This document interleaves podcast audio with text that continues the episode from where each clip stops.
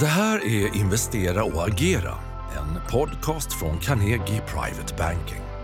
Varje tisdag och torsdag får du en färsk kommentar om marknadsläget, en utblick framåt och hur vi tycker man bör agera i sin investeringsportfölj just nu.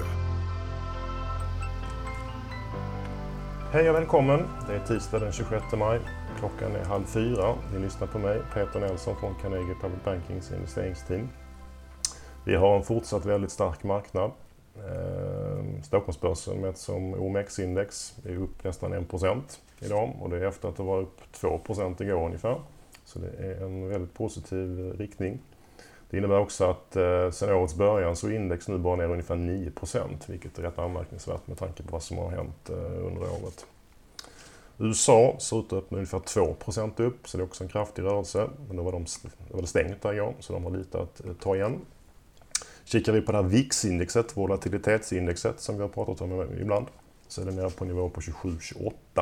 Så det närmar sig sakta men säkert lite mer normala nivåer som brukar vara kring 15 och 20. Det var där vi låg innan coronakrisen kom. Så att det är starkt där ute och det är väl uppenbart att det är fokus på återhämtning här. Eh, vi ser att gränser ju faktiskt nu börjar öppnas. Eh, Spanien pratar om det, även Italien och Tyskland. Eh, turister börjar bli välkomna igen så smått, ser det ut som här. Eh, biltrafiken ökar, också tecken på att eh, aktiviteten är lite grann på väg upp och uppåtgående. Man ser att restaurangbokningar också är på väg uppåt. Ytterligare en sån här indikator man kan kika på. Eh, blickar vi lite över Atlanten mot USA så är det flera delstater som har lättat på restriktionerna. Eh, och allt detta eh, har ju skett utan att vi har sett någon större andra våg av Corona, åtminstone inte än. Och det är ju naturligtvis väldigt positivt att det är på det sättet. Eh, det skulle vara det värsta just nu om vi fick se att, att man fick ta backa från den här taktiken att sakta men säkert återgå till någon typ av, av normalitet. Kikar vi lite på Kina, eh, som ju ligger lite före oss vad gäller utvecklingen, så kan man säga att eh, sektorer som industri och bygg i princip är tillbaks på aktivitetsnivå som vi såg innan coronautbrottet. Så där har det verkligen tagit sig. Det gäller inte för reserelaterade aktiviteter, inte heller för eh, saker som sport och kultur och underhållning. Där är det betydligt mer en avvaktande inställning man ser bland konsumenter. Det är kanske inte så konstigt. Och det är rimligt att det kommer att vara samma mönster både i Europa och, och USA på, på återhämtningen. Vi fick även en liten pusselbit här i dagarna från Tyskland i form av en IFO-indikator. Eh, det är en enkät som görs bland tyska företagare. Och där är det många som uttrycker optimism för, för andra halvåret. Man är absolut inte mer optimistisk kring nuläget men däremot är man mer optimistisk till att det kommer att komma ljusare tiden. Och det är också något som investerare och börsen tar till sig i nuläget. Så allt detta jag nämnt är ju positiva saker. Ehm, och lägg till också att det är mycket surr och rykten om eh, vaccin. Det är flera som håller på att försöka hitta någonting som kan, kan bota det här. Ehm, det lär ju dröja ett tag till innan det finns på marknaden men eh, nyheterna är ändå hoppfulla. Och likaså pratas det faktiskt om ännu mer stimulanser trots att vi redan har fått gigantiska sådana. Exempelvis kommer det lite från ECB, att man, alltså den Europeiska centralbanken, att man kanske funderar på ytterligare utöka sina program lite grann. Frankrike pratar om att eh, man ska stödja sin bilindustri etc. etc. Så att eh, man fortsätter att göra vad man kan från eh, myndighetssidorna för att eh, hålla näringslivet och, eh, under livet eller eh, hjälpa till helt enkelt. Vi har ju pratat rätt mycket om, om rekylrisker och det är klart att, att de finns kvar. Eh, ibland kommer de när man minst anar det.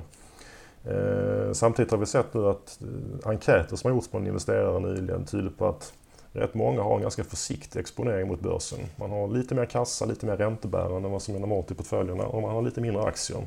Och det är klart att då finns det säkert en vilja att faktiskt öka sin aktieexponering. Eh, nu kan det ta emot lite då när det har gått upp så pass mycket som det har gjort men det innebär att det finns ändå potentiella köpare där ute som förmodligen väntar på, på tillfällen att öka sin aktieexponering.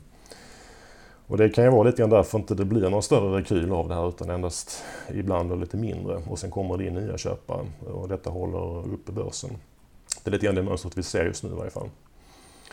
Sen ska vi komma ihåg att naturligtvis inte allt är ljust. Eh, förutom att vi har de här riskerna med, med, med Corona och att det kan komma mer då negativt så är det ju konjunkturen såklart. Eh, Ytterligare ett exempel på att det är tufft där ute kom ju nyligen när Hertz, eh, biluthyrningsföretaget, gick in i rekonstruktion. De är såklart hårt drabbade eftersom de är beroende av, av, av, resor. Men det är ändå ett stort företag som, som dukar under här. Det kan komma fler sådana här. Och sen har vi den här eskalerande konflikten mellan USA och Kina Ehm, nu har USA svartlistat ännu fler kinesiska företag och det är en allmänt väldigt hård ton mellan de här länderna. Så vi har ju nog inte sett det sista av eh, handelskriget exempelvis, eh, som ju var ett tema under förra året men som lite grann försvann eh, i skymundan här i takt med att coronakrisen rullade in. Så att den här konflikten känns lite obehaglig och även svårt att prognostisera vad den tar, tar vägen. Men definitivt en risk som kan komma tillbaka på radarskärmen och, och göra folk lite mer försiktiga igen. Här. Och hur ska man då agera i den här miljön vi är i nu? Ja, vi tycker att det här med rebalanseringar är en bra strategi. Det har vi pratat om tidigare också. Om man nu har varit med på den här resan uppåt på börsen och kanske till och med lyckades öka sin exponering lite grann i mars och april så kan det vara läge att, eh, att kanske ta ner aktievikten lite grann igen om man då har hamnat över någon typ av normallägen. Vi har ju både ökat och minskat aktievikten i vår portfölj ett par gånger här under, under våren. Eh, vi tror att det fortsatt är en bra strategi. Eh, för den som då inte riktigt har varit med på, på resan uppåt, kanske har för lite aktier i sin portfölj, då tycker vi att man köper kvalitetsbolag eh, är en bra strategi. Och att gärna göra det i omgångar eftersom det är väldigt svårt att få till tajmingen. Det är inte säkert att det kommer några större kulor, ibland kan det komma då, men, men det är inte säkert att man får det här riktiga stora köptillfället som många går och väntar på. Så att sprida ut köpen och köpa kvalitetsbolag som över tid brukar klara sig rätt bra, det tror vi är en bra strategi. Sen ska man inte glömma bort hela utlandssidan, att få med det i sin aktieportfölj. Inte minst för att komma åt eh, sektorer som teknologi och läkemedel som är lite mindre representerade i, i Sverige. Så att utlandet ska man också ha med i sin aktieportfölj. Och vad gäller räntesidan så tycker vi också att diversifiering är väldigt viktigt. Det har varit väldigt tydligt under 2019, eller 2020 att man eh, inte bara ska ha svenska och nordiska räntepapper i sin portfölj. Utlandet har klarat sig bättre, inte lika beroende av vissa sektorer som det är här på vår hemmamarknad. Så det är också ett bra råd att ha en diversifierad eh, ränteportfölj så att man får en bättre spridning där. Sen avslutningsvis har vi också tagit fram ett nytt tema här i veckan eh, som har med 5G att göra. Det är den nya telekomteknologin. Eh, nu rullas, ser vi att 5G-näten börjar rullas ut. Telia och Tele2 har precis startat i Sverige och det här sker också utomlands. Och det här kommer ge en hel del nya affärsmöjligheter för olika bolag. Du kan prata mer med din rådgivare om du vill veta mer om hur man investerar i 5G. Eh, vi har denna veckan också släppt en ny strategirapport och där framgår vår samlade syn på marknaden och eh, även flera nya investeringsidéer. Du som kund kommer få den i brevlådan inom kort, men man kan redan nu ladda ner rapporten i Carnegie Online. Och på fredag klockan åtta så hålls det ett digitalt liveseminarium där vi presenterar den här rapporten. Och för att ta del av seminariet så är det bara att kontakta din rådgivare. Tack för att du har lyssnat. Du har väl inte missat veckans aktiecase? Skriv upp dig på vårt nyhetsbrev på carnegie.se privatebanking för att ta del av aktierna och investeringarna vi tror på just nu.